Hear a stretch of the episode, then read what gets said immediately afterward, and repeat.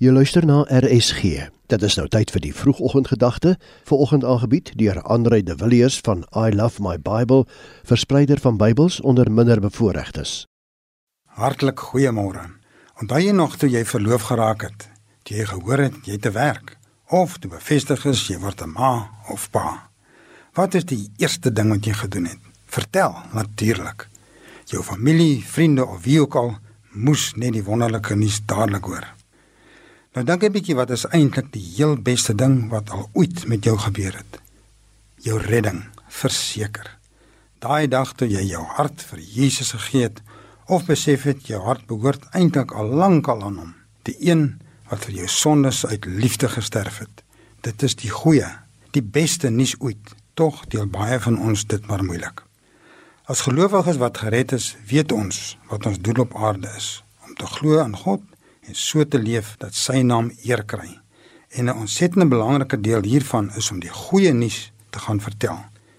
Dit is wat Jesus met sy laaste woorde vir ons gevra het, soos ons lees in Markus 16 vers 15. Gaan die hele wêreld in en verkondig die goeie nuus oral. Sjoe, dis daarom eintlik nou nie so maklik nie. Geen wonder nie, dit word die groot opdrag genoem nie. 'n Opdrag te groot vir ons as gewone mense. Gelukkig sal die Heilige Gees ons altyd bystaan. En ons taak is net om te vertel, nie om te gaan red nie. Ons kan nie 'n mens in God laat glo nie. Net hy kan. Een van die bekendste sendlinge wat na Afrika gekom het, was David Livingstone. Hy het baie swaar gekry met aanvalle deur inheemse stamme, siekte, die dood van sy vrou en vele ontberings. Hy het egter bly sê: Dit kan nie 'n opoffering genoem word nie, maar net 'n bittere klein deeltjie van die terugbetaling aan God wat hy vir ons gedoen het. So dis eintlik net 'n voorreg.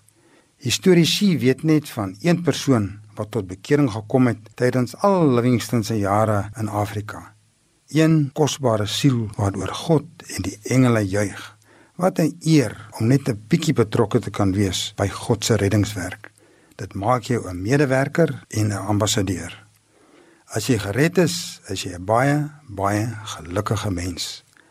Kan jy toe kyk dat iemand op pad is na die ewige verdoemenis terwyl jy hom kan vertel van Jesus, vergifnis, verlossing en die hemel?